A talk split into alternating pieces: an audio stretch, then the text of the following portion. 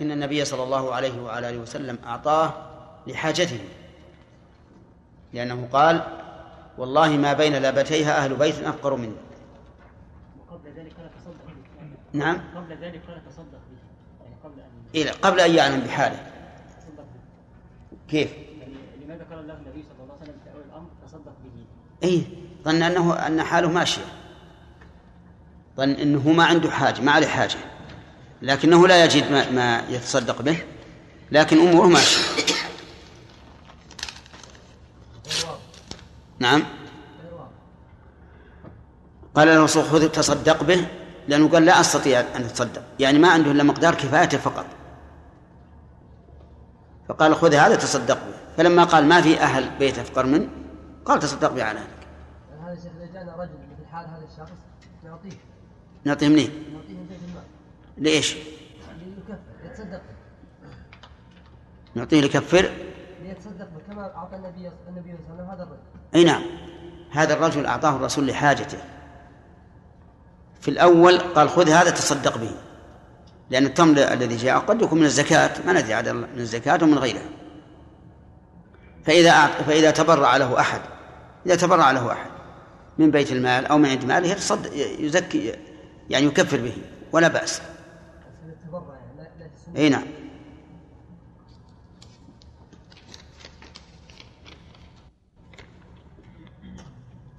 يعني هذا قوله بالأول خذ هذا تصدق به مع أنه لا يجد هذا ما هو على سبيل الوجوب.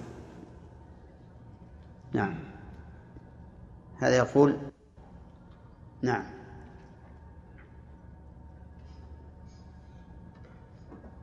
أن الحكم المرتب على وصف يقوى بقوة ذلك الوصف ويضعف بضعفه. طيب. معناه واضح. يعني مثلا إذا قلت أعطي الفقير من بيع من من مالك. كل من كان أفقر فهو إيش؟ أحق. إذا قلت مثلا عزل الفاسق كل من كان أفسق فهو أحق بالتعزير ثلاثة؟ مثلا الإنسان وقد توضأ قبل البدء بالغسل ثم مر يده أثناء الغسل. السؤال ما هو السواك السؤال إذا اغتسل الإنسان وقد توضأ قبل البدء بالغسل ثم مر يده أثناء الغسل على فرجه بدون قصد هل يبطل وضوءه أم أم أم عبارة؟ عن لمس خفيف الصحيح أن مس الذكر لا ينقض الوضوء إلا إذا كان لشهوة. وعلى هذا فلو أصابت يده ذكره في أثناء الغسل فليستمر ولا ولا شيء عليه. سمع. موسى.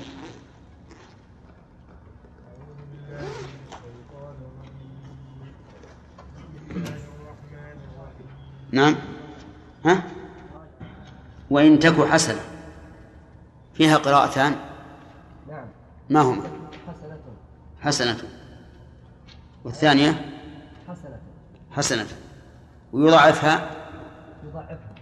قراءتان أيضا؟ يضاعفها ويضاعفها آه، كيف يكون التضعيف؟ الحسنة بحسنتين أو أو كيف؟ الحسنة بعشر أمثالها أو أكثر. نعم. إذا طيب. أحسنت. آدم. ماذا يريدون بقولهم راعنا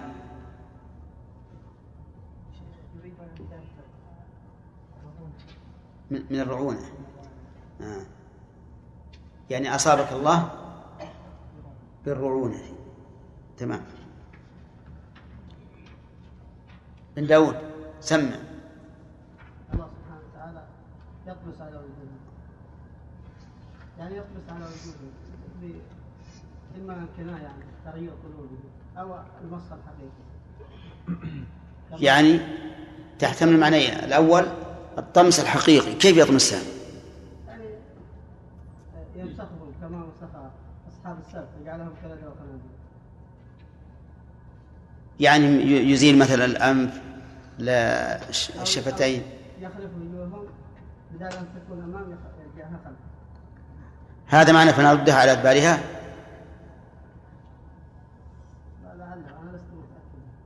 إيه. نعم. يعني قال العلماء الطمس قد يكون على معناه الحقيقي أو على معناه المعنوي. نعم. يكون طمسا معنويا أو حسيا أحسنت. فإن كان معنويا فهو أن يردهم الله عز وجل عن أن يستمعوا إلى الحق أو نعم. يستمعوا به. أو يكون حسيا على حقيقته بان فإذا طمس الوجوه يعني الوجهات مثلا مثل قول لا تختلف تختلف وجوهكم. نعم أو لا يخالف الله بين وجوهكم. نعم. أو طمس حقيقي يط- يطمس الوجه حتى يكون كخف البعير ثم يدار إلى الخلف. طيب. من أصحاب السبت يا بن داود قوم من بني اسرائيل أقول قوم من بني إسرائيل. إيه وش وش شأن؟ وش شأنهم؟ نعم نهاهم نهاهم الله سبحانه وتعالى عن الصيد يوم السبت. نعم. فاحتالوا وكانوا ينصبون الشباك يوم الجمعة. احتالوا على طول؟ احتالوا يعني على على طول. حرموا عليهم اليوم واحتالوا باكر لا. ها.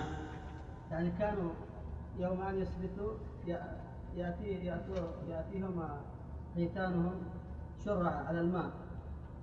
فلما طال عليهم الأمد وقست قلوبهم آه، أحتالوا. كانوا ينصبون الشباك يوم الجمعة ويتركونها يوم السبت ويوم الأحد ي- يأخذونها. فيقولون نحن ما السبت. نعم. فالله سبحانه وتعالى مكر بهم كما مكر. فمسخهم قردة وخنازير. قردة؟ بأي دليل أنه مسخهم قردة؟ كما قال في سورة البقرة.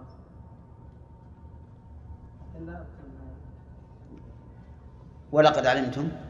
ولقد ولقد علمتم الذين اعتدوا منكم في السبت فقلنا لهم كونوا كذلك قاسمين نعم.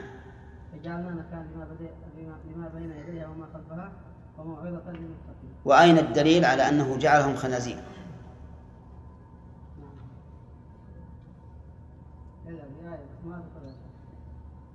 نعم فلما عتوا عما نهوا عنه قلنا لهم كونوا قردة وخاسرين قردة لكن آه، الأخ عبد الرحمن يقول وخنازير.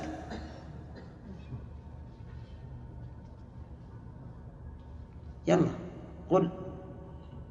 أنا لا- أذكر الآن الآية لكن ذكروا في هذا أنهم صغارهم قردة وكبارهم جعلهم خنازير. أين الدليل؟ ما في تفسير ذكروها ما أدري ما أذكر الآن أنها آية ذكرت في آية نعم. قل هل أنبئكم؟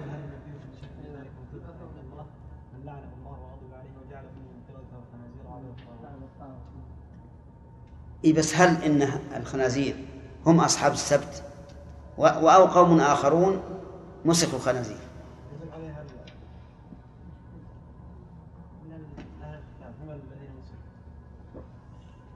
يحتاج إلى تثبت. طيب. يلا عبد الله. ما يدل على نعم. نعم. وأيهما أرجح ما سوى ذلك؟ طيب إذن الكفر الكفر داخل تحت المشيئة. هو سوى الشرك. الأرجح ما دون ذلك يعني ما هو أقل من الشرك. وأما الشرك والكفر فكلاهما لا يغفر طيب هل في هذه الآية متمسك للمرجئة؟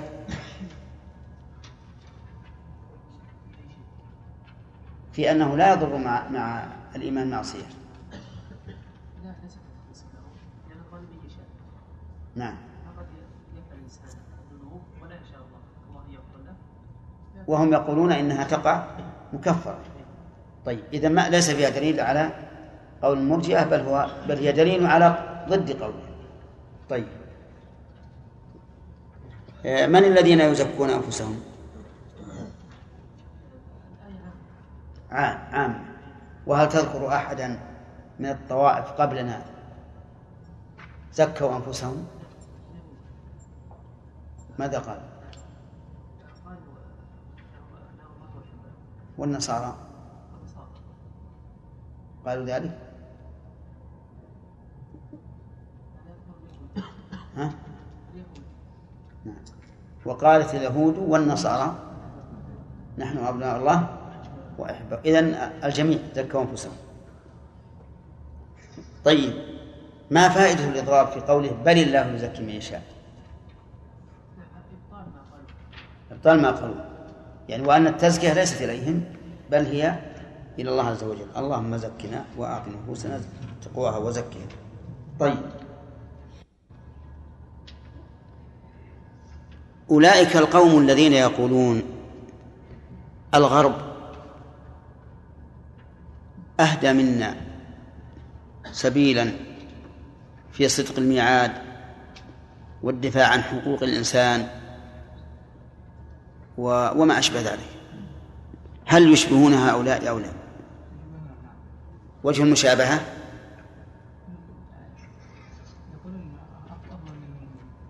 وهؤلاء يقولون للذين كفروا هؤلاء أهدى من الذين آمنوا سبيلا طيب. ما هو الحسد؟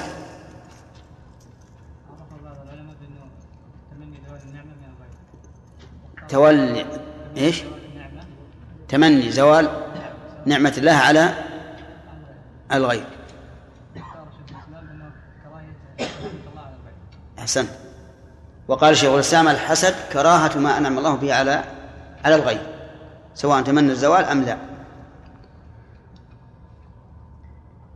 يقع في بعض الأحيان حسد في القلب بغير اختيار الإنسان. فهل يأثم على ذلك؟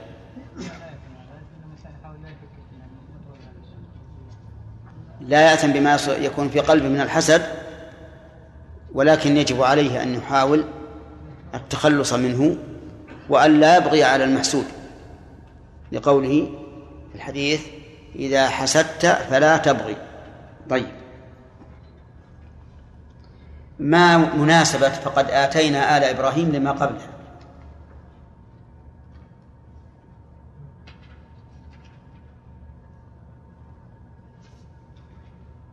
أم يحسدون الناس على ما آتاهم الله من فضله؟ فقد آتينا.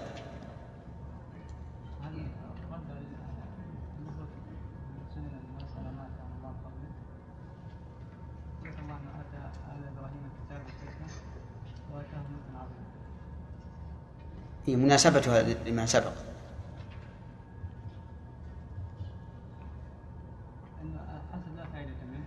كيف؟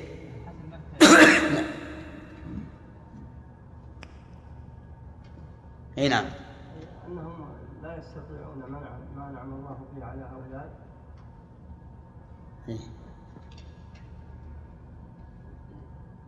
قال الله تعالى فقد آتينا ال إبراهيم الكتاب يعني إن الناس هم آل إبراهيم. طيب أجل كيف يكون الارتباط عمر؟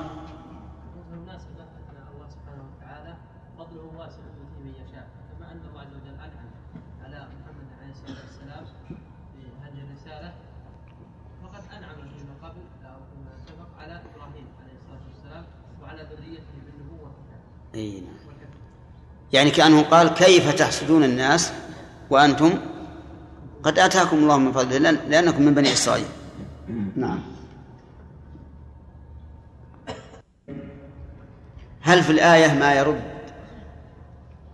يا محمد؟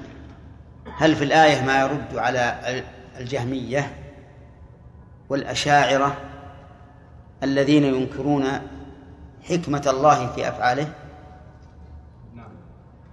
كيف حكيما ولا في شيء آخر بعد؟ الحكمة في تبديل الجلود إيه. لكن هل في الآية ما يدل على ذلك؟ صحيح حكيم من يؤخذ منها الحكمة لكن نريد أيضا في الآية دليل آخر. نعم لام التعليل. أين هي؟ ليذوق العذاب لام التعليل تفيد إثبات العلة في أفعال الله عز وجل. وهذا هو المتعين وهو الصحيح لا شك فيه. فإن قال قائل محمد أيضا إذا أثبتتم تعليل أفعال الله فقد أثبتتم أنه يفعل لغرض. والله منزه عن الأعراض والأبعاض والأغراض. عبارة منسقة تماما. الله منزه عن الأبعاض والأعراض والأغراض. نرد عليهم نقول الله سبحانه وتعالى هو الذي اثبت لنفسه فنثبتها له ما يكفي.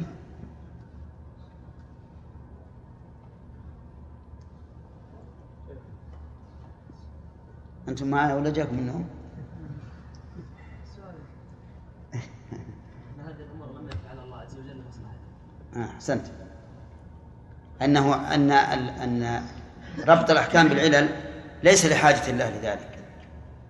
نعم. لكن لحاجة من جعلت له. واضح؟ طيب ما فائدة يذوق العذاب؟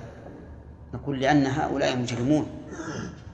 فمن الحكمة أن يعاقبوا بقدر جرمهم.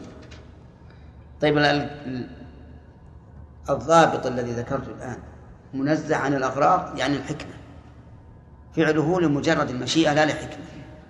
والأعراض ماذا يريدون بالأعراض؟ ابن داود. الصفات الفعلية. يقول إن الله ما يمكن ينزل السماء الدنيا ولا يستوى على العرش ولا يأتي يوم القيامة لأن هذه أعراض. وعن الأبعاض. نعم الله يهديك اثبات اليد لله سبحانه وتعالى مثل اليد والوجه والعين. صحيح. نعم بعد. يقول هل الاتصال بالتلفون على الأقارب البعيدين للسلام عليهم هل يدخل ضمن صلة الرحم؟ الجواب نعم. لا شك أنه يدخل ضمن صلة الرحم. رجل يحيى حاضر. رجل اكتسب مالا من بيع المحرمات ثم توفي وله مال والورثة في حيرة من أمرهم هل يتصرفون بالمال ويقسمونه أم يتصدقون به على أنه لا يجوز لهم حيازته؟ إن كان هذا المال له ملاك معلومون فإنه يرد إليهم مثل أموال الغصب والسرقة وما أشبهه. وأما إذا لم يكن له ملاك معلومون فإنه للورثة. آخر سؤال. قال الله تعالى ألم تر إلى حج إبراهيم في ربه؟ الآية هل نقول إن إبراهيم عجز عن إجابة حجة النمروذ الأولى عندما قال أنا أحيي وأميت انتقل إلى جهة أخرى؟ ما تقولون؟ لا ما عجز. لكنه أراد أن لا يطيل الجدل بذكر شيء لا يمكنه أن أن أن يجيب عنه.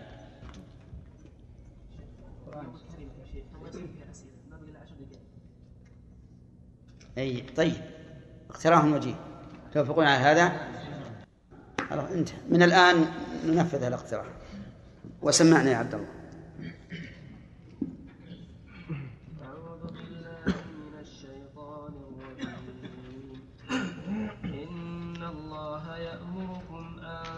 تؤدوا الأمانات إلى أهلها. وإذا حكمتم بين الناس أن تحكموا بالعدل إن الله نعم ما يعظكم به. إن الله كان سميعا بصيرا. يا أيها الذين آمنوا أطيعوا الله وأطيعوا الرسول وأولي الأمر منكم. فإن تنازعتم في شيء فردوه إلى الله والرسول. إن كنتم تؤمنون بالله واليوم الآخر ذلك خير وأحسن تأويلا. بس. أعوذ بالله من الشيطان الرجيم. الآية الأولى تكلمنا عليها. بقي الفوائد. الآية الأولى من فوائدها بيان عظمة الله عز وجل. وذلك حيث عبر عن نفسه تبارك وتعالى بصيغة الغائب إن الله يأمركم. ومثل هذا التعبير قال علماء البلاغة إنه يدل على التعظيم. ومن فوائدها وجوب حفظ الأمانات فيما تحفظ به عادة. فإذا أعطاك إنسان دراهم وجب عليك أن تحفظها فيما تحفظ به عادة. ووجه ذلك أنه من لازم أدائها حفظها. لأن من لم يحفظها لا يمكن أن يؤديها. فإذا أعطاك دراهم ووضعتها في فرجة أو في رف وسرقت فأنت ضامن لماذا؟ لأن هذا تفريط في الواجب. الواجب أن تحفظها في الصناديق. إذا أودى عندك بهيمة وتركتها للبرد أو للحر أو للجوع أو للعطش فأنت ضامن لماذا؟ لأنك فرطت فإن الله أمرك أن تؤدي الأمانات إلى أهلها ومن لازم أدائها حفظها حتى تؤدى كما أخذت. ومن ومن فوائد هذه الآية الكريمة سمو الدين الإسلامي حيث أمر برد الأمانات. وهذا لا شك أنه من حسن المعاملة. نعم. ومن فوائد الآية الكريمة رد أنه يجب على المؤتمن أن يؤديها إلى أهلها. وأهلها إما صاحبها أو من يقوم مقامه. فإذا أودعك شيء شخص ما وديعة ومات فمن أهلها من بعده؟ ورثته كذلك لو وكل من يقبضها منك وجب عليك أن تؤديها إليه أي إلى الوكيل. ولا تقل إني لا أعطيك لأن الذي أودعني سواك. ومن فوائد الآية الكريمة وجوب حفظ السر فيما يكون بينك وبين صاحبك من قول. لقوله الأمانات وهو عام في أمانات الأموال وأمانات الأقوال وأمانات الأحوال أيضا. ولهذا ورد الوعيد الشديد في من تفضي إليه زوجته ويفضي إليها ثم يصبح يتحدث بما جرى بينهما وأن هذا شر الناس منزلة عند الله يوم القيامة. ومن فوائد الآية الكريمة وجوب أداء الشهادة كما تحمل. وجوب أداء الشهادة على الشاهد كما تحملها لماذا؟ لأن الشاهد مؤتمن فيجب عليه أن يؤدي الشهادة كما تحملها من غير زيادة ولا نقص. وهل يجوز أن يؤديها بالمعنى؟ الجواب نعم إذا كان عالما بالمعنى ولم يحدث ما يتغير به المعنى فإنه لا بأس أن يؤديها بالمعنى. نعم. ومن فوائد الآية الكريمة وجوب الحكم بين الناس بالعدل. لقوله تعالى وإذا حكمتم بين الناس أن تحكموا بالعدل. والعدل أنواع كثيرة. ولنضرب لهذا مثلا بالقاضي. القاضي يجب عليه أن يعدل بين الخصمين في كل شيء. أولا في الدخول عليه. لا يقدم أحدا على أحد. حتى لو كان الخصم كافرا مع مسلم فإنه لا يقدمه عليه. لأن المقام مقام حكم والحكم تجب فيه العدالة. فضل المسلم على الكافر لا شك فيه لكن الآن هما سواء في الحكم. وإن كان بعض العلماء رحمهم الله قال إنه يقدم المسلم في الدخول لكن في هذا القول نظر. الصواب أنه يعدل بينهما في الدخول. ثانيا في المجلس. لا يجلس أحدهما في مكان رفيع على كنب مثلا والثاني على الأرض. أو أحدهما على الفراش والثاني على الأرض. لا بد أن يعدل بينهما في المجلس يكون مجلسهما سواء. الثالث لا بد أن يعدل بينهما في اللحظ. إيش معنى اللحظ؟ النظر. لا ينظر إلى أحدهما نظرا باردا وإلى الثاني نظرا حارا يكاد يخرق رأسه. بل الواجب أن ننظر إليهما نظرا سويا. الرابع في اللفظ. لا يكلم أحدهما بشدة والآخر بلين. والخامس بالالتفات لا ينظر إلى أحدهما عند مخاطبته بوجهه والثاني ينظر إليه بخد بخده مصعرا خده. له. والسابع السادس في في استخلاص الحجة. لا يقاطع أحدهما في حجته والآخر يمهله. فإذا يجب عليه العدل في كل شيء يعاملهما فيه. ومن العدل أيضا العدل بين الزوجات في كل ما يستطيع. ومن العدل أيضا العدل بين الأولاد في كل شيء كل شيء يستطيع. في العطايا إذا أعطى الأنثى أعطى الذكر وإذا أعطى الذكر أعطى الأنثى. والصحيح أنه يعطي الذكر مثل حظ الأنثيين. حتى كان بعض السلف يعدل بين أولاده في القبل. إيش معنى في القبل؟ يعني إذا قبل واحد قبل الثاني. وهذا صحيح. الصبيان الصغار أما عاد الكبار شيء آخر. لكن الصبيان الصغار ترى الإنسان الصبي إذا شاء إذا رآك قد قبلت الثاني نعم يأتي ويزاحم. يدخل خده عليك. يعني لابد أن أن تقبله. نعم.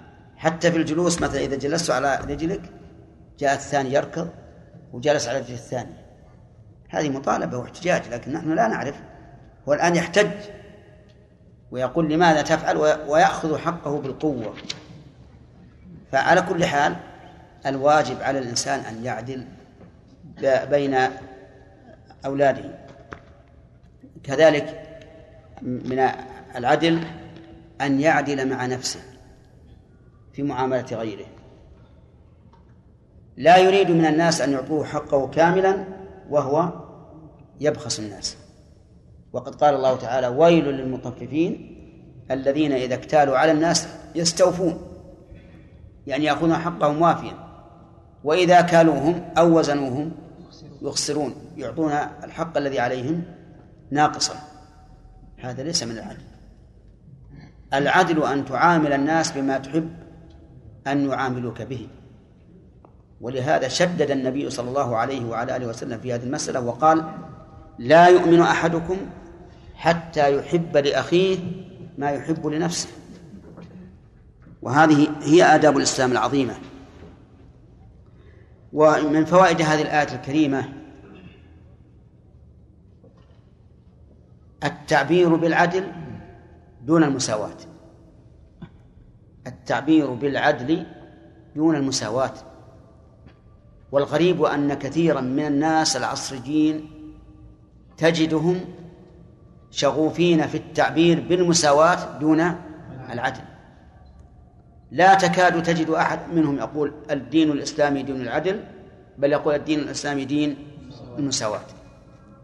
ولا أدري والله أعلم لماذا استخدمت هذه الكلمة. المساواة. هل هي واردة علينا من الخارج؟ أم ما أدري. لأنك إذا قلت المساواة دون العدل قالت الأنثى أنا لا بد أن أعامل كما يعامل الرجل. وقال الرجل الساقط الذي لا خير فيه لا بد أن يعامل كما يعامل الشريف وهلم جرا. لكن إذا استعملنا العدل فمعناها أن ننزل كل إنسان منزلته ها؟ يقول أم تفرض على بنتها الموظفة مبلغ من المال شهريا مع العلم بأنها ليست محتاجة ولكن من باب الترفيه عن النفس والبنت لا تريد أن تعطي الأم ولكن تخاف من غضب الأم عليها والله إذا كان لا يضرها فهو من البر ها؟ آه، ما يلزم هذا ها؟ لا ما عليه ما دام يضرها ما عليه أي نعم هذا يقول ما حكم الصلاة في مسجد فيه قبر سواء كان صحابي أو تابعي أو غيره كالذي في بلادنا؟ أين بلادك؟ الأردن. آه، فهناك مسجد فيه قبر أبي عبيدة وآخر فيه ضرار بن أز أزور وغيره. بس هل نتحقق فيه هؤلاء؟ يعني كل الناس معروف ظاهر إنه ما ما يتحقق هذا الشيء. لكن على كل حال القاعدة في هذا إن بني القبر على المسجد وجب هدم المسجد. إن بني المسجد على القبر وجب هدم المسجد ولا تجوز الصلاة فيه. وإن وإن قبر بعد بناء المسجد وجب نبش القبر ودفنه مع الناس وأما الصلاة فإن كان القبر في القبلة فإنه لا تجوز الصلاة إليه. لحديث أبي مرثد الغنوي أن النبي صلى الله عليه وسلم قال لا تجلسوا على القبور ولا تصلوا إليها. وإن كان في جانب آخر فالصلاة في المسجد صحيحة لأن الإثم من الذي من الذي قبر الميت في هذا المسجد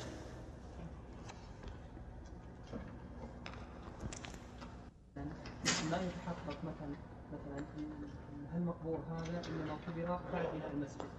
مثلا في الجامع الأموي في دمشق فيه قبر في وسط المسجد. يقولون هذا مقام يحيى بن زكريا أو قبر يحيى بن زكريا. إيه. وقبر يحيى بن زكريا قبل المسجد بقرون ففي مثل هذه الحال. هذا لا عبرة به العبرة بالواقع. لا عبرة به. لا. والتصوير وهذا ما أبدا العبرة بالواقع. لأن ما فيه أحد قبر معلوم إلا الرسول عليه الصلاة والسلام من الأنبياء. وقبر موسى كان الرسول يعلمه؟ قال إنه عن- عند الكثيب الأحمر. ولولا أني ولو كنت هناك لأريتكم إياه. ولكنه ما أما هذا ما, ما, ما لا عبرة به.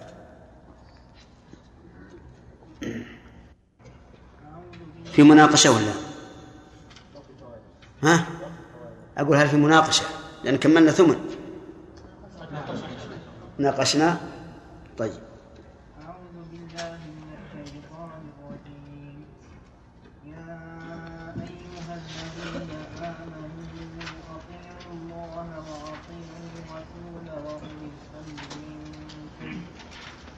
فإن تنازعتم في شيء فردوه إلى الله والرسول إن كنتم تؤمنون بالله واليوم الآخر ذلك خير وأحسن تأويلا. أعوذ بالله من الشيطان الرجيم. قال الله تعالى إن الله يأمركم أن تؤدوا الأمانات إلى أهلها. وأخذنا من هذه الآية فوائد. أظن خمسا ثمانية آخرها واحد يتكلم. إيش؟ نعم. التعبير بالعدل دون المساواة. ومن فوائدها من فوائد الآية الكريمة ثناء الله سبحانه وتعالى على ما يوجهه من الأحكام إلى العباد.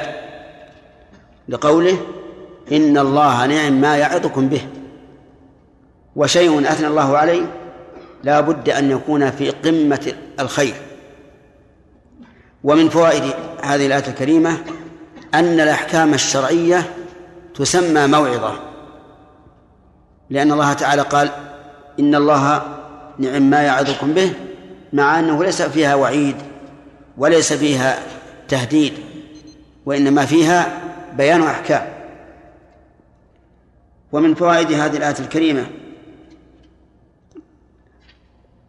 كمال حكم الله عز وجل وذلك بثناء الله عليه. وكونه موعظة للقلوب. ولهذا كلما ازداد الإنسان تمسكا بطاعة الله ازداد إيمانا ويقينا ورغبة في الخير. ومن فوائد الآية الكريمة إثبات إثبات هذين الاسمين من أسماء الله وهما السميع والبصير. وتكلمنا كثيرا على معنى السميع. وأظن لا حاجة إلى إعادة الكلام فيه لوضوحه. والبصير كذلك. اسم من أسماء الله متضمن للبصر. وتكلم وتكلمنا عليه أيضا فيما سبق بما لا يحتاج معه إلى إعادة. هل فيه إثبات السمع والبصر لله؟ نعم. لأن القاعدة أن كل اسم لله فهو متضمن لصفة ولا عكس.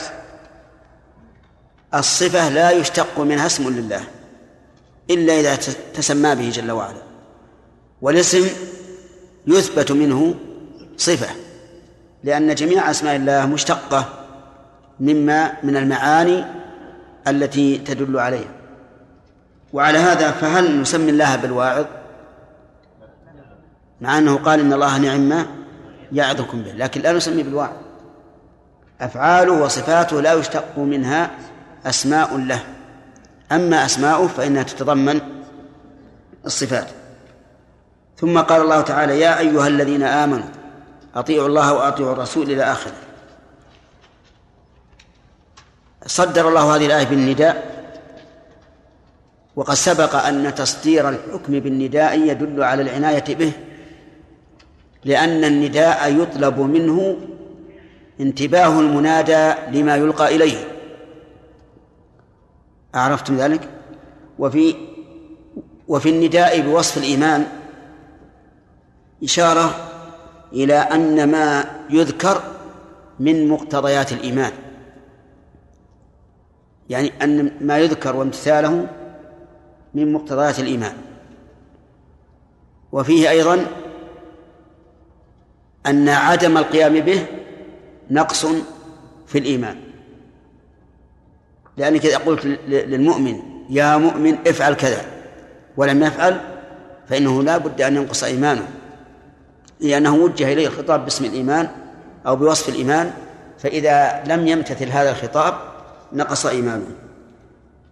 وقد روي عن عبد الله بن مسعود رضي الله عنه أنه قال إذا سمعت الله يقول يا أيها الذين آمنوا فأرعها سمعك فإما خير تؤمر به وإما شر تنهى عنه.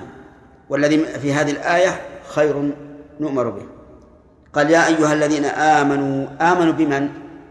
آمنوا بالله وبما يجب الإيمان به وأركان الإيمان كما عرفتم سابقا كما هو معروف. أركان الإيمان ستة. هذا إذا كان موجود فلا فقد أذنت له أن يذهب. يعني آمنوا بما يجب الإيمان به وهي ستة أشياء الإيمان بالله وملائكته وكتبه ورسله واليوم الآخر والقدر خيره وشره. أطيعوا الله وأطيعوا الرسول. الطاعة موافقة الأمر وذلك بفعل ما المأمور وترك المحظور. ولهذا أخذت من المطاوعة وهي الانقياد. فالطاعة هي الانقياد وموافقة الأمر بفعل المحظور وترك بفعل المأمور وترك المحظور. أطيعوا الله وأطيعوا الرسول. الرسول هو محمد عليه الصلاة والسلام. وأل فيه للعهد. العهد الذهني. وأولي الأمر منكم. الواو حرف عطف. أولي معطوفة على الرسول. وهي بمعنى أصحاب. والأمر بمعنى الشأن. يعني أصحاب الشأن فيكم. فمن هم أصحاب الشأن؟ قيل هم العلماء. وقيل هم الأمراء. والآية صالحة للمعنيين جميعا.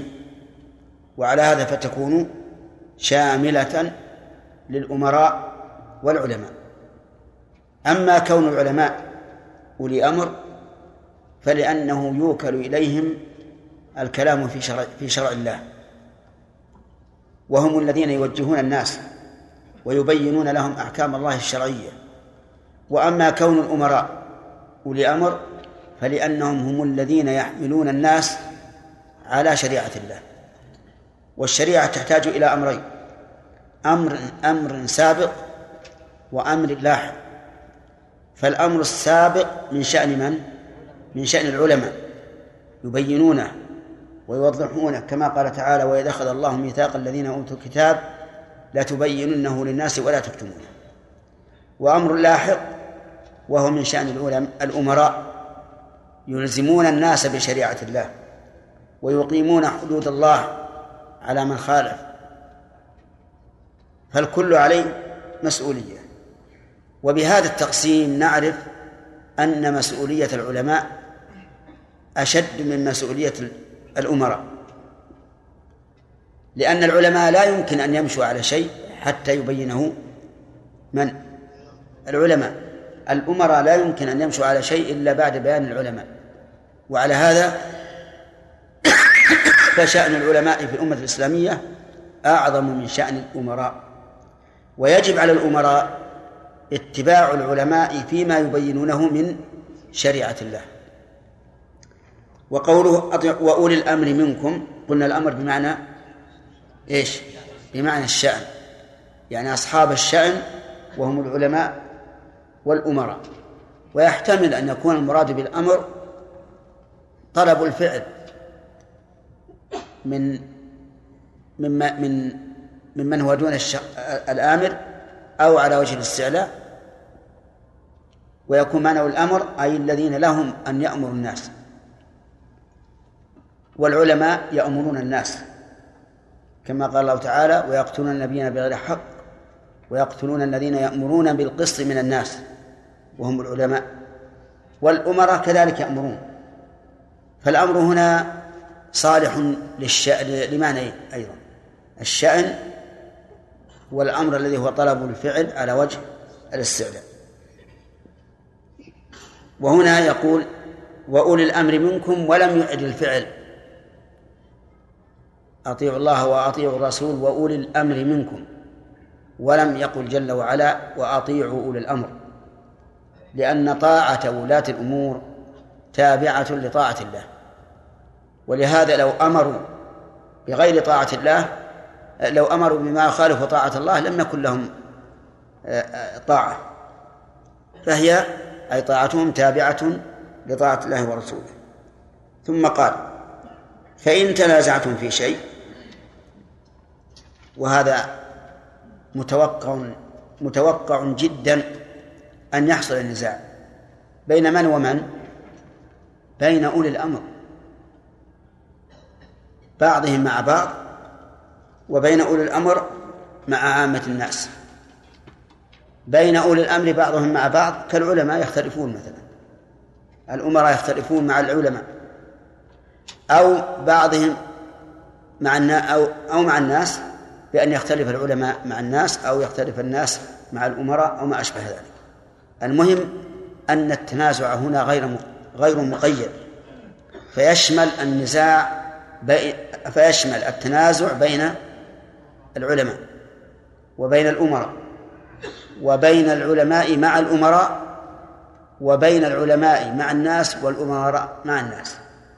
وهذا لا بد أن يقع. إن تنازعتم في شيء وفي شيء هذه نكرة في سياق الشرط فتكون للعموم. أي شيء يتنازع فيه فإنه يرد إلى الله والرسول. ثم قال إلى الله والرسول. إلى الله لا يمكن أن يقول قائل أننا نذهب إلى الله عز وجل ونتحاكم عنده ولكن أو نرد الشيء إليه ولكن الرد إلى الله هو الرد إلى كتابه. أما إلى الرسول فهو الرد إليه شخصيا في حياته وإلى سنته بعد وفاته. صلى الله عليه وسلم. إن كنتم تؤمنون بالله واليوم الآخر هذه جملة شرطية يراد بها الإغراء والحث. أي إن كنتم صادقين في الإيمان بالله واليوم الآخر فامتثلوا هذه الأوامر. طاعة الله طاعة الرسول وأولي الأمر والرد عند التنازع إلى كتاب الله وسنة رسوله صلى الله عليه وسلم. وقول تؤمنون بالله الإيمان بالله يتضمن الإيمان بوجوده وربوبيته وألوهيته وأسمائه وصفاته. واليوم الآخر الإيمان بكل ما يكون بعد الموت سواء في البرزخ أو بعد قيام الساعة. وإنما نص الله على اليوم الآخر لأنه اليوم الذي يقع فيه الجزاء. واليوم الذي يقع فيه الجزاء لا بد أن يحسب له الإنسان الجزاء حسابه خوفا من أن يجازى بالسوء في يوم القيامة. ذلك خير وأحسن تأويلا. ذلك المشار إليه كل ما سبق من طاعة الله وطاعة رسوله. وولي الأمر والرد إلى الله والرسول عند التنازع ذلك خير أي في الحال والحاضر وأحسن تأويلا أي أحسن مآلا وعاقبة. فامتثال هذه الأوامر الأربعة يحصل به الخير في الحاضر والخير في المستقبل. والإنسان كل الإنسان لا يسعى إلا لخير حاضر أو خير مستقبل لأن الماضي مضى بخير وشر ولا يمكن إعادته. في هذا الحديث في هذه الآية فوائد. أولا حسن التناسق بين آيات الله بين الآيات في القرآن في الكتاب العزيز. فإنه لما ذكر أداء الأمانات والحكم بين الناس بالعدل ذكر ما يحصل به الخير أيضا إضافة إلى ذلك وهو طاعة الله ورسوله. ومن فوائد الآية الكريمة وجوب طاعة الله. وإن خالفت الهوى وإن خالفت الواقع وإن خالفت الحال. خلافا لمن يمتثل طاعة الله إذا وافقت الواقع ولم يجد معارضا. لأن من قيد طاعة الله بهذا فهو في الحقيقة لم يطع الله وإنما اتبع هواه. ومن فوائد الآية الكريمة وجوب طاعة الرسول صلى الله عليه وعلى آله وسلم استقلالا وأن طاعته كطاعة الله. لقوله الأخ. نعم. أصبر. ها؟ وجهه. لك ما وجه أن طاعة الرسول مستقلة. لا. نعم. لأنه أعاد الفعل. أطيعوا الرسول. ولم يجعل طاعة الرسول تابعة لطاعة الله. ومن فوائد هذه الآية الرد على من كفر بالسنة. وقال لا نقبل إلا ما جاء في القرآن. واضح؟ لأن الله جعل طاعة جعل طاعة الرسول استقلالا. والحقيقة أن الذي يقول هذا القول لم يتبع ما جاء به القرآن. ليش؟ لأن القرآن أمر بأن يتبع الرسول عليه الصلاة والسلام. فقال قل يا أيها الناس إني رسول الله إليكم جميعا. الذي له ملك السماوات والأرض لا إله إلا هو يحيي ويميت فآمنوا بالله ورسوله النبي الأمي الذي يؤمن بالله وكلماته واتبعوه. ولم يقل اتبعوه إن وجدتم. لذلك أصلا في القرآن بل هو عام. ومن فوائد هذه الآية الكريمة وجوب طاعة ولاة الأمور. لقوله وأولي الأمر منكم ومن فوائد هذه الآية أن طاعة ولاة الأمور من طاعة الله. لأن الله تعالى أمر بذلك. ومن فوائدها أنهم لو أمروا بما يخالف طاعة الله ورسوله فلا طاعة لهم. لأن الله جعل طاعتهم تابعة وأولي الأمر منكم. ومن فوائدها أن طاعة ولاة الأمور واجبة حتى وإن لم يأمر الله بذلك الشيء المعين الذي أمروا به. وهنا لا بد من التقسيم. فنقول ما أمر به ولاة الأمور على ثلاثة أقسام. القسم الأول ما أمر الله به والقسم الثاني ما نهى الله عنه والقسم الثالث ما لم يرد به أمر ولا نهي. أما ما أمر الله به فإن ولاة الأمور إذا أمروا به صارت طاعتهم واجبة من من وجهين. الوجه الأول طاعة الله والوجه الثاني طاعة ولاة الأمر. مثال ذلك أن يأمروا بالأذان بإعلان الأذان. أن يأمروا بإقامة الصلاة جماعة في المساجد. أن يأمروا بأداء الزكاة. هذا واجب واجب من وجهين الوجه الأول طاعة الله الثاني طاعة ولاة الأمر. الثاني أن يأمروا بما نهى الله عنه. أن يأمروا بما نهى الله عنه. مثل أن يقول الناس افتحوا خانات الخمر. فهؤلاء فهذا لا يطاعون فيه. أو يأمر بقتل شخص لا يحل قتله. ونحن نعلم أنه لا يحل قتله وإنما أمروا بقتله عدوانا وظلما.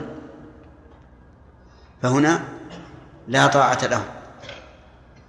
أما إذا أمروا بقتله بحق كقصاص أو ردة أو فساد في الأرض أو تعزير يسوغ يسوغ لهم التعزير به فإن هذا فإن طاعتهم في ذلك واجبة. لكن إذا كنا نعلم أنه ظلم بغير حق فإن فإننا لا نطيعه. كذلك أيضا لو لو أمروا بإدخال الحدود الأراضي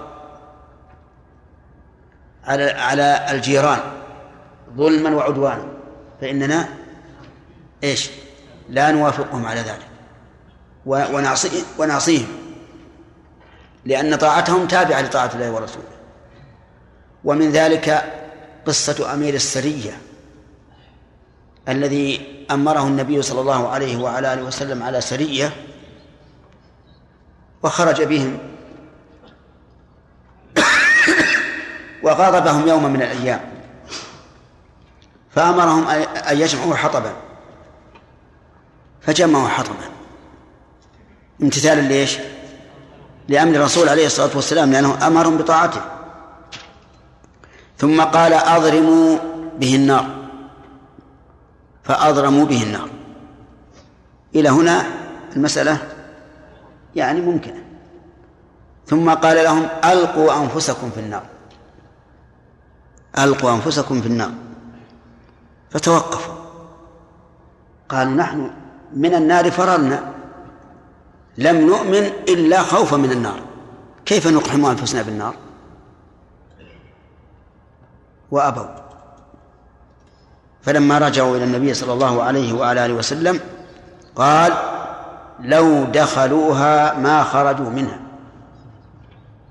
لأنهم قتلوا أنفسهم. إنما الطاعة في المعروف. يعني في شيء لا ينكره الشرع. القسم الثالث أن يأمر ولاة الأمور بما لم يتعلق به أمر ولا نهي. وهنا معترك القول. فالمتمردون على ولاة الأمور يقولون لا سمع ولا طاعة. هذا الدليل أن هذا واجب؟ نعم. والمؤمنون يقولون سمعا وطاعة لأننا لو لو لم نطعهم إلا في أمر ورد فيه الشرع بعينه لكانت الطاعة ليست لهم. الطاعة لإيش؟ للأمر الشرعي. مثلا لو قال إنسان أنا لا أخضع للتنظيم في السير. مثلا أفرض المرور سد هذا الطريق وقال للناس سيروا مع الجهة الأخرى. قال أنا لا أخضع لا أخضع لهذا لهذا الأمر. ثم جعل, يجادل ويقول أين الدليل؟ هل قال الله تعالى إذا قال لك المرور لا تمشي مع هذا هذا الخط فلا تمشي؟ الجواب قاله ولا ما قاله؟ لا لم يقل. لكن على سبيل العموم أطيعوا الله وأطيعوا الرسول وأولي الأمر منكم. فيجب فيجب أن تمتثل فإذا قال لا لا ليس في هذا مصلحة ليش أمتثل؟ قلنا لو جعلنا المصلحة مربوطة برأي كل واحد من الناس ما عملنا بمصلحة قط لأن أهواء الناس متباينة مختلفة. فالرأي لولي الأمر قبل كل شيء. فإذا كان عندك رأي ترى أن المصلحة فيه وجب عليك من باب النصيحة أن ترفعه لولي الأمر. وتقول نحن نمتثل أمرك سمعا وطاعة لله عز وجل قبل كل شيء ولكن نرى أن المصلحة في كذا وكذا وتذكر. وحينئذ تكون ناصحا لله ولرسوله ولأئمة المسلمين وعامتهم. عرفتم؟ طيب. ومن فوائد هذه الآية الكريمة محبة الله عز وجل للنظام والانضمام والانزواء تحت رعاية واحدة. بقوله وأولي الأمر منكم. لأن الناس لو لم يكن لهم ذو أمر مطاع لصارت لصارت أمورهم فوضى ولهذا يقول الشاعر لا يصلح الناس فوضى لا سرات لهم. لا بد من أمير لا بد من قائد لا بد من موجه. حتى الحيوانات العجم لا بد لها من أمير. كان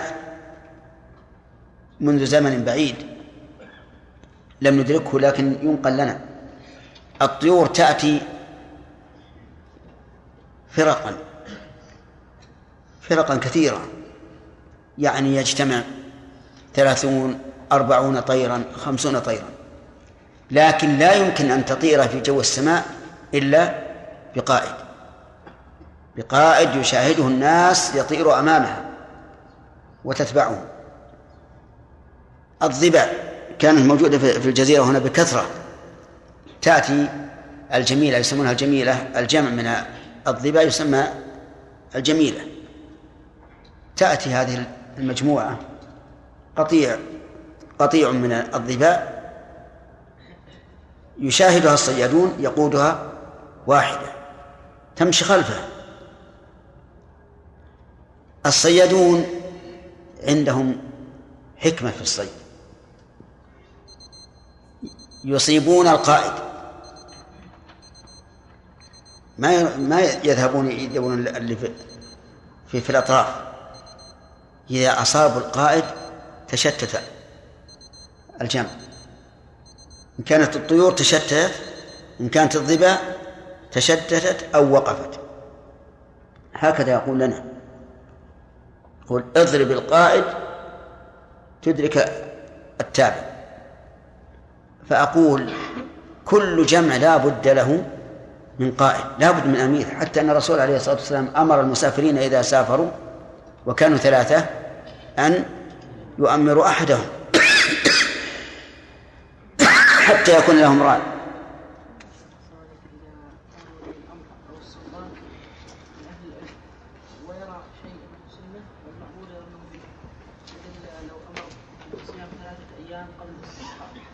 نعم. يجب هذا سؤال مهم. وتكلم فيه العلماء يعني لو أمر الإمام بما يرى أنه مشروع وال... و الرعية أو واحد من الرعية يرى أنه غير مشروع مثل أن يأمر بصوم يوم الاستسقاء فإن الفقهاء رحمهم الله يقولون ينبغي للإمام أن يأمر الناس بالصيام يوم الاستسقاء. فهل يلزم الصوم؟ قال قال الفقهاء أنفسهم لا يلزم الصوم ولا الصدقة. لا يلزم الصوم ولا الصدقة. لأن هذا أمر بشريعة. والأصل في الصوم أنه ليس بواجب والصدقة أنها ليست بواجبة فلا يجب فلا يجبان بأمره. وإلا لقلنا إن الإمام يمكن أن يشرع. ثم قال والمراد بقولنا طاعة ولي الأمر فيما يعود إلى تنظيم الأمة. فإذا كان إذا أمر بالصوم يوم الاستسقاء وكان هذا العالم يرى أنه ليس بسنة لأن النبي صلى الله عليه وعلى آله وسلم لم يأمر الناس حين خرج الاستسقاء أن يصوموا. فله أن أن أن, أن لا يصوم. لكن هل يعلن ذلك؟ يعلن مخالفة أمر ولي, ولي الأمر؟ نقول لا يعلنه وفيما بينه وبين الله لا يلزمه لكن المنابذة وإعلان المخالفة هذا في أمر يسوغ فيه الاجتهاد هذا خطأ. ولهذا ينتقد على من يتكلم بما يرى مع إظهار الإمام رأيه في هذا في موضع في شيء من الموضوع من الموضوعات. ينتقد على من تكلم بخلافه وقال إن هذه مسألة اجتهادية وللإمام اجتهاده ولي اجتهاده لأن هذا يؤدي إلى استهانة الناس بما ينظمه ولاة الأمور وأن يقول كل واحد ولي الأمر مجتهد وأنا مجتهد ولكل اجتهاد.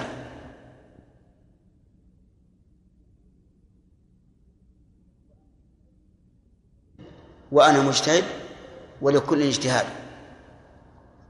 والواجب نصيحة الله ولرسوله ولأئمة المسلمين وعامتهم أن يتكلم مع ولي الأمر الذي خالفه باجتهاده ويبين له. نعم. بغض النظر عن الأمر لأنه ربما يقال أن الأمر بالمحرم قليل مثلا في بلادنا مثلا. الحمد لكن لله فرض واقع معين مثل المحلات تبيع المنكرات أو التعامل بالمنكرات وشيء من هذا. وش موقف المسلم تجاهها؟ نعم. هل يحذر منها مع أن السلطة فرضتها وارتضتها؟ أم نعم؟ يعني مثلا لو أن لو أن ولي الأمر أقر أمرا منكرا فإنه يجب أن أن يبين إنكاره لكن لا يوجه الإنكار على ولي الأمر ولكن يحذر الناس منه. الآن مثلا في يوجد في بعض يعني في بعض البلاد أشياء منكرة مقرنة من قبل ولاة الأمور ولا يجوز إقرارها. فمثلا يوجد في بعض البلاد الإسلامية الآن والبلاد القريبة منا بيع الخمر علانية في البقالات وفي المقاهي وفي كل مكان. هل نقول للناس لا تحذروا منها؟ لا تحذروا الناس منها؟ بناء على أن ولي الأمر سمح بها؟ لا. يجب أن يحذر الناس منها. لكن لا ينتقد ولي الأمر لإقراره إياها بل ينصح. يكتب له نصيحة. نعم. ولاة الأمر وكذا في الجماعات الإسلامية وأنه لا بد أن يكون لها قائد حتى يسيرها وينظم أمورها وأمور المساجد التي تحت يدها وكذا. هل يستدل به عليها؟ لا. يعني يكون الرسول أمر أن المسافرين أن يؤمروا واحدا منهم لا يدل على أنه يجوز للطوائف أن تؤمر واحدة منها في داخل البلد الذي فيه سلطة الإمرة. لكن في السفر ما عندهم أحد يرجعون إليه. فلا بد من أن نؤمر واحدة منهم. إذا قالوا أن القائد مثلا لا لا يحكم بعيد جدا عن شرع عن شرع ما يخالف ما نجعل لنا إمام. لا نجعل لنا إماما. بهذه الصفة بحيث نبايع لأنه يوجد بعض الطوائف يأتون إلى من يرون من يرونه إماما لهم ويبايعونه مبايعة على السمع والطاعة. هذا لا يجوز.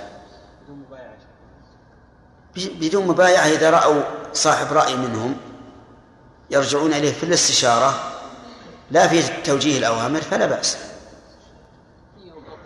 سلطان الأمراء أو سلطان العلماء بالنسبة للتنفيذ سلطان الأمراء أقوى. لأنهم يستطيعون أن أن يجبروا الناس على هذا الشيء. والعلماء لا يستطيعون. وأما بالنسبة لما تقتضيه الشريعة وللحكم الشرعي فالعلماء أقوى لا شك. لأن الأمراء يأخذون من العلماء. بعض الناس يقول أبايع العلماء فقط. إيش؟ بعض الناس يقول أبايع العلماء فقط. إيش؟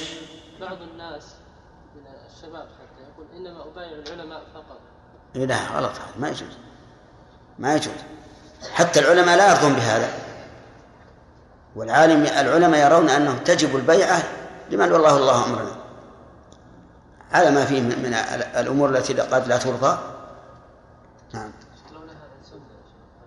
نعم. السنة مثل إيش؟ مثل توجيه الناس والأمر معروف والنهي عن المنكر. نعم. لا إذا إذا قال يا أيها الناس لا تأمروا بالمعروف ولا تنهوا عن المنكر لا يطاع. نعم. في تعليم الناس في إيش؟ في تعليم الناس الأمور المستحبة نعم. أبدا لا يمنع.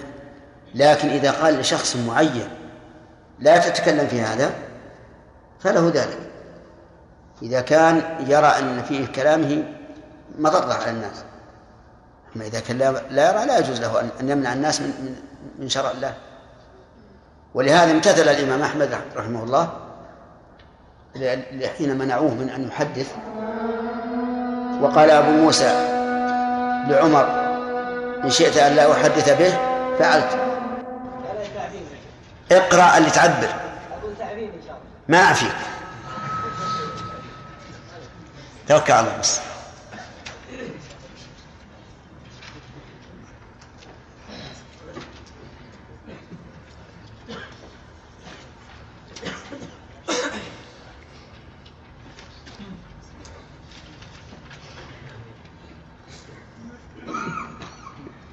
ألم تر إلى الذين يزعمون؟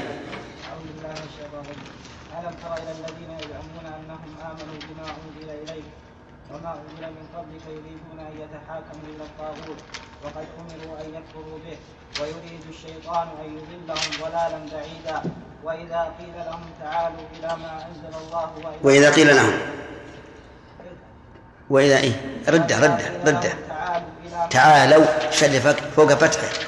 وإذا قيل لهم تعالوا إلى ما أنزل الله وإلى الرسول رأيت المنافقين يصدون عنك صدودا أصابتهم مصيبة بما قدمت أيديهم ثم جاءوك يحلفون بالله إن أردنا إلا إحسانا وتوفيقا.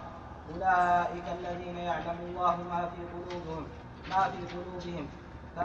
فأعرض عنهم وعظهم وقل لهم وقل لهم في أنفسهم قولا بليغا. أحسنت.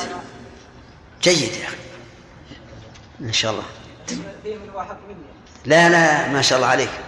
يعني نظن إنك ما تقرأ ولا كلمة إلا تغلط فيها. لا، الله يزيدنا وإياكم بالفضل. آه، أظن لم نتكلم على فوائد الآية التي قبل. نعم. ها؟ يا أيها الذين آمنوا أطيعوا الله وأطيعوا الرسول. تكلمنا على فوائدها. تسع فوائد. تسع فوائد. ها؟ تسع فوائد. منها؟ طيب. آه، أعوذ بالله من الشيطان الرجيم. من فوائد هذه الآية الكريمة وجوب الأمر وجوب, رد الأمور المتنازع فيها إلى الله والرسول. لقوله فإن تنازعتم في شيء فردوه إلى الله والرسول. ومن فوائدها تحريم رد المسائل المتنازع فيها إلى القوانين الوضعية أو تحكيم أهل الكفر والإلحاد لقوله إلى الله والرسول ومن فوائدها تحريم التقليد مع وضوح الدليل لقوله ردوه إلى الله والرسول وإنما قلنا مع وضوح الدليل لأن التقليد يجوز للضرورة إذا لم يعلم الإنسان لقوله تعالى فاسألوا أهل الذكر إن كنتم لا تعلمون. ولم يأمر سبحانه وتعالى بسؤال أهل الذكر إلا للرجوع إلى إلى ما يقولون وإلا لم يكن فائدة من سؤال أهل الذكر. ومن فوائد الآية الكريمة أن الرد إلى الله والرسول من مقتضيات الإيمان. بقوله إن كنتم تؤمنون بالله واليوم الآخر. ومن فوائدها أن من ادعى الإيمان بالله واليوم الآخر ولكنه لا يرد مسائل النزاع إلى الله ورسوله فإنه كاذب. لأن قوله إن كنتم بمنزلة التحدي فيكون كاذبا فيما يدعي. وقد قال الله تبارك وتعالى فلا وربك لا يؤمنون حتى يحكموك فيما شجر بينهم ثم لا يجدوا في أنفسهم حرجا مما قضيت ويسلموا تسليما. شوف الإقسام المؤكد. فلا وربك لا يؤمنون. هذا القسم مؤكد بلا التي للتنبيه حتى يحكموك هذه المرتبة الأولى. تحكيم الرسول عليه الصلاة والسلام. فإن حكموا غيرك فليسوا بمؤمنين. ثانيا ثم لا يجدوا في أنفسهم حرجا مما قضيت أي ضيقا ولو كان على المحكوم عليه. يعني حتى المحكوم عليه إذا وجد في نفسه حرجا وضيقا فليس فليس بمؤمن. هذه المرتبة الثانية. انتفاء الحرج والضيق. يعني ينشرح صدره لما يحكم به الرسول صلى الله عليه وعلى آله وسلم. الثالث المرتبة الثالثة ويسلموا أي ينقادوا تسليما هذا مؤكد مصدر مؤكد أي يسلم ينقادوا انقيادا تاما لما يحكم به الرسول عليه الصلاة والسلام. فنفى الخلاف الباطن والخلاف الظاهر. الخلاف الباطن أن يكون في في صدرك ضيق وحرج. والباطن هو الظاهر أن لا تسلم التسليم التام بل تماطل ولا يكن أمرك أمر استسلام.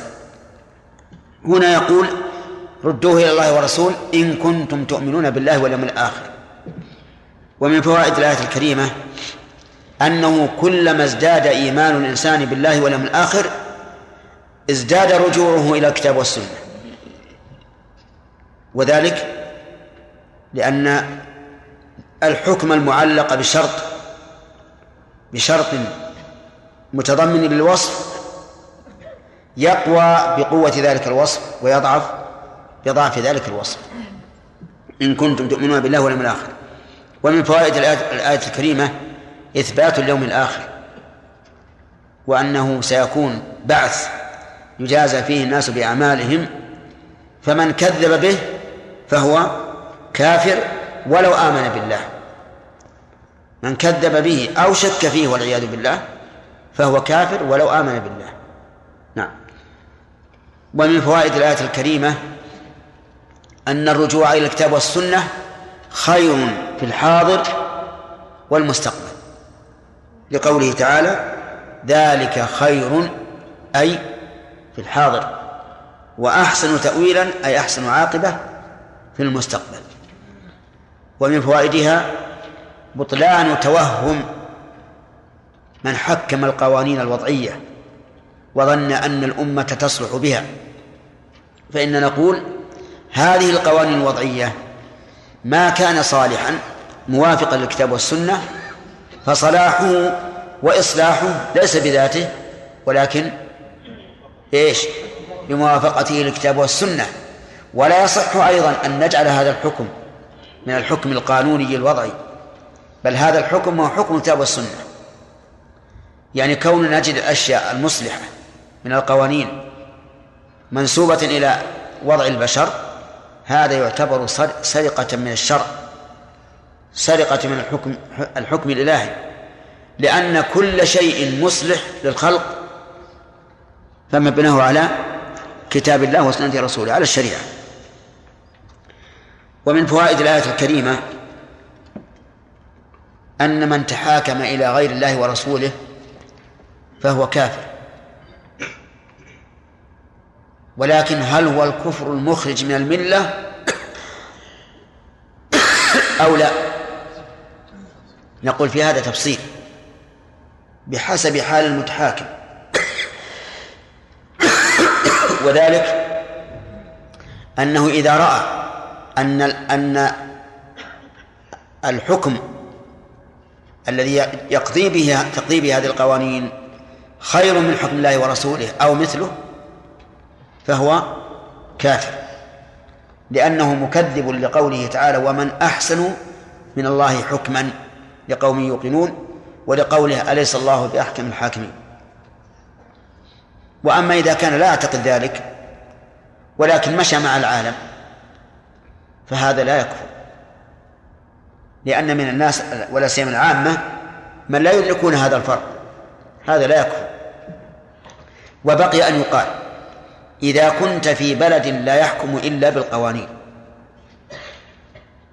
كبلد الكفار. ومن أخذ بقوانينهم وأنت الآن بين أمرين. إما أن يضيع حقك وإما أن تلجئك الضرورة إلى التحاكم إلى هؤلاء.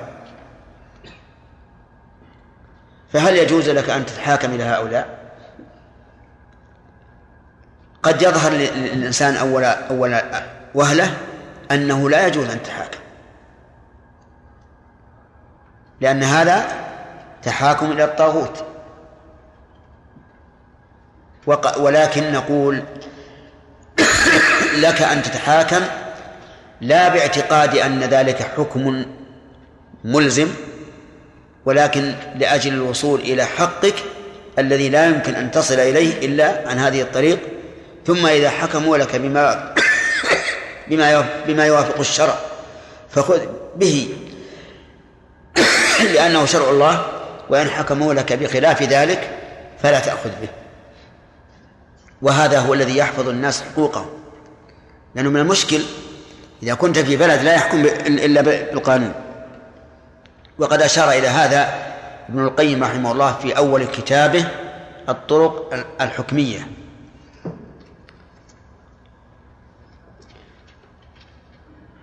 فإن قال قائل التعبير في الآية الكريمة فإن تنازعتم. وإن لا تدل على وقوع الشرط بخلاف إذا فإنها تدل على وقوع الشرط لكن توقته. ولهذا تجد الفرق بين أن تقول إذا قام زيد فأكرمه أو تقول إن قام زيد فأكرمه الأولى تدل على أنه سيقوم لكن إكرامه معلق بقيامه. والثانية لا تدل على سيقوم. إن قام. فهنا إن تنازعتم معناها أن النزاع الأصل فيه أنه مرفوع فيما بيننا. وأن ال ال الأصل عدم المنازعة. لكن إن حصل النزاع فردوه إلى الله والرسول. وفي هذا فائدة نضيفها إلى الفوائد السابقة وهي الإشارة إلى أنه لا ينبغي إيش؟ النزاع بيننا. بل كلما أمكن درء هذا النزاع كان هو الأولى. ثم قال الله تبارك وتعالى ألم ترى إلى الذين يزعمون وهذا بدء الدرس الليلة ألم تر إلى الذين يزعمون أنهم آمنوا بما أنزل إليك وما أنزل من قبلك الاستفهام هنا للتعجيب يعني ألا تتعجب إلى هؤلاء؟ والخطاب في قوله ترى. يجوز أن يكون موجها إلى الرسول صلى الله عليه وعلى آله وسلم. ويجوز أن يكون موجها لكل مخاطب بهذا الكتاب العزيز. وإذا دار الأمر بين هذا وهذا فالأولى الثاني أو الأول؟ الأول الثاني. أن يكون محمولا على العموم. وعلى الأول وهو أن المخاطب به الرسول صلى الله عليه وسلم لا يعني أن الأمة لا تخاطب به لأن لأن ما خوطب به الرسول فهو خطاب للأمة. إما عن طريق الأسوة وإما لأنه القائد والخطاب للقائد خطاب له ولمن يتبعه في قيادته. فها هنا أمور ثلاثة. أولا هل الخطاب عام للرسول وللأمة؟ قلنا إذا إذا لم يكن مانع فهذا إيش؟ هو الأصل وهو الأصح. ثانيا إذا قلنا خاص بالرسول هل هو خاص به وغيره من الأمة يكون تبعا له عن طريق الأسوة؟ أو أنه وجه للرسول خطابا لا حكما. بمعنى أنه لما كان هو القائد الإمام لهذه الأمة وجه إليه خطاب والخطاب الموجه للقائد يكون خطابا له ولمن وراءه. في احتمالان. وأيا كان فإن الخطاب واضح. نقول للعموم يعني ألم ترى أيها المخاطب؟ إلى الذين يزعمون. طيب. الآن هذا التقرير كله سوف يهدمه قوله يزعمون أنهم آمنوا بما أنزل إليك وما أنزل من قبلك. مما يجعلنا نقول أن الصحيح أنه خطاب للرسول صلى الله عليه وسلم. لكن كلامنا الأول باق على القاعدة. أنه إذا لم يوجد مانع فالأصل حمله على العموم. هنا وجد مانع. وهو قوله إلى الذين يزعمون أنهم آمنوا بما أنزل إليك ومعلوم أنه لم ينزل إلى كل واحد منا وحي. فيكون هذا الخطاب للرسول عليه الصلاة والسلام والأمة تبع له إما عن طريق التأسي أو لأنه القائد. والخطاب للقائد خطاب لمن تبعه. إلى الذين يزعمون أنهم آمنوا يزعمون أي يقولون. وهذا هذه المقولة ينظر هل تكون صحيحة أو لا. يزعمون أنهم آمنوا بما أنزل إليك وما أنزل من قبلك. كاليهود مثلا. يقول نحن نؤمن بما أنزل إليك يا محمد ونؤمن بالتوراة. والنصارى يقولون نؤمن بما أنزل إليك ونؤمن بالإنجيل والتوراة. و ولكنهم يريدون أن يتحاكموا إلى الطاغوت. هذا محل التعجب. يزعمون وهم يريدون أن يتحاكموا إلى الطاغوت. والطاغوت كل ما خالف الشرع. في هذا في هذه الآية كل ما خالف الشرع لأن ما خالف الشرع فهو طغيان. فيريدون أن يتحاكموا إلى الطاغوت. وقد أمروا أن يكفروا به أن يكفروا بالطاغوت. ومن الآمر لهم؟ الآمر هو الله عز وجل لكنه أتى بصيغة اسم المفعول ليكون هذا الأمر وإن كان أصله من الله فهو أيضا صادر من الرسول ومن كل مؤمن. كل مؤمن يأمر أن يكون التحاكم إلى إلى الله ورسوله وأن يكفر الإنسان بالطاغوت. وقد أمروا أي من قبل الله ومن قبل أولياء الله أن يكفروا به أي بالطاغوت. وإنما قلنا إنه من قبل الله وقبل أوليائه لأنه نظير قوله صراط الذين أنعمت عليهم غير المغضوب عليهم. يعني ولم يقل غير الذي غضبت عليه. لأن طريقة هؤلاء تغضب الله وتغضب أولياء الله. وقد أمروا أن يكفروا به. ويريد الشيطان أن يضلهم ضل ضلالا بعيدا. إذن فهم تابعون للشيطان الذي يملي عليهم التحاكم إلى الطاغوت. فالشيطان يريد أن يضلهم ضلالا بعيدا أي بعيدا عن الحق لأن التحاكم إلى الطاغوت يوجب للإنسان أن يبتعد عن الحق. وأن يعلق قلبه بهذا الطاغوت. فإذا قال قائل مثاله نقول المثال. دعي أحد من الناس إلى إلى القرآن الكريم. ولكن قال لا نتحاكم إلى التوراة نتحاكم إلى الإنجيل نتحاكم إلى القانون الفلاني. نقول كيف تزعمون أنكم تؤمنون بالله؟ أو مثلا يقول نتحاكم إلى المحاكم التجارية والقوانين التجارية وهو يدعى إلى التحاكم إلى إلى الله ورسوله فيقول لا نرجع إلى أعراف التجارة ولو كانت تخالف الشرع. هذا يدخل في هذه الآية. ثم قال وإذا قيل لهم تعالوا إلى ما أنزل الله وإلى الرسول رأيت المنافقين يصدون عنك صدودا إذا قيل لهم من من القائل؟ أي واحد من الناس؟ أي واحد من الناس يقول تعالوا إلى ما أنزل الله وإلى الرسول رأيت المنافقين يصدون عنك صدودا. هنا قال آه، إلى إلى ما أنزل الله إلى القرآن وإلى الرسول إلى سنته رأيت المنافقين والرؤيا هنا رؤية بصر. رؤية عين. وعلى هذا فيكون المنافقين مفعولا مفعولا به ويصدون حال. وهنا قال رأيت المنافقين ولم يقل رأيتهم. فأظهر في موضع الإضمار. والإظهار في موضع الإضمار له فوائد. الفائدة الأولى الحكم على هؤلاء بالنفاق. لأنه لو قال رأيتهم لم يتبين أنهم منافقون.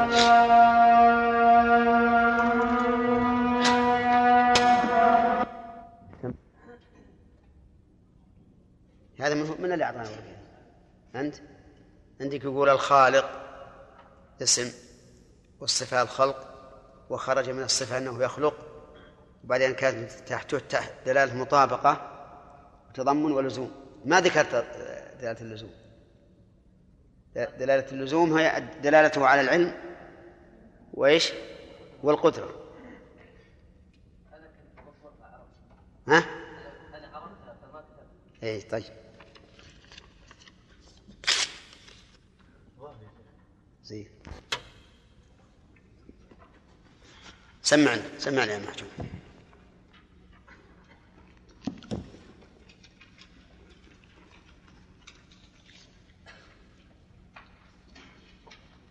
أظن على ألم ترى الذين يزعمون. نعم.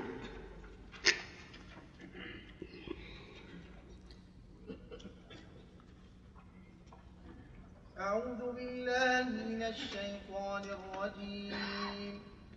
وإذا قيل لهم تعالوا إلى ما أنزل الله وإلى الرسول وإلى الرسول رأيت المنافقين يصدون عنك صدودا فكيف إذا أصابتهم مصيبة بما قدمت أيديهم؟ ثم جاءوك يحلفون بالله إن أردنا إن أردنا إلا إحسانا وتوفيقا. أولئك الذين يعلم الله يعلم الله ما ما في ما في قلوبهم فأعرض عنهم فأعرض عنهم وعظهم وقل لهم في أنفسهم قولا بليغا. أعوذ بالله من الشيطان الرجيم. قال الله تبارك وتعالى ألم تر إلى الذين يزعمون أنهم آمنوا بما أنزل إليك وما أنزل من قبلك؟ ماذا تستفيد من قول يزعمون؟ ماذا تستفيد من قوله يزعمون؟ لا ماذا تستفيد منها؟ ها؟ ما يخالف ما مش ما هي مشكلة هذه. أن إيمانهم ليس حقيقة. يزعمون أنهم آمنوا. جملة يريدون أن يتحاكموا إلى الطاغوت محلها من الإعراب اي نعم. طيب. حال منين؟ من الواو في يزعمون. طيب. آه، ما المراد بالطاغوت هنا؟ نعم. الأخ. اي نعم. لا أنت زائر ولا منتظم؟ ها؟ أين المصحف؟ لازم ينتظم يحمل الكتاب ويتفاهم المعنى. نعم. لا هنا. الطاغوت هنا. لأنه في كل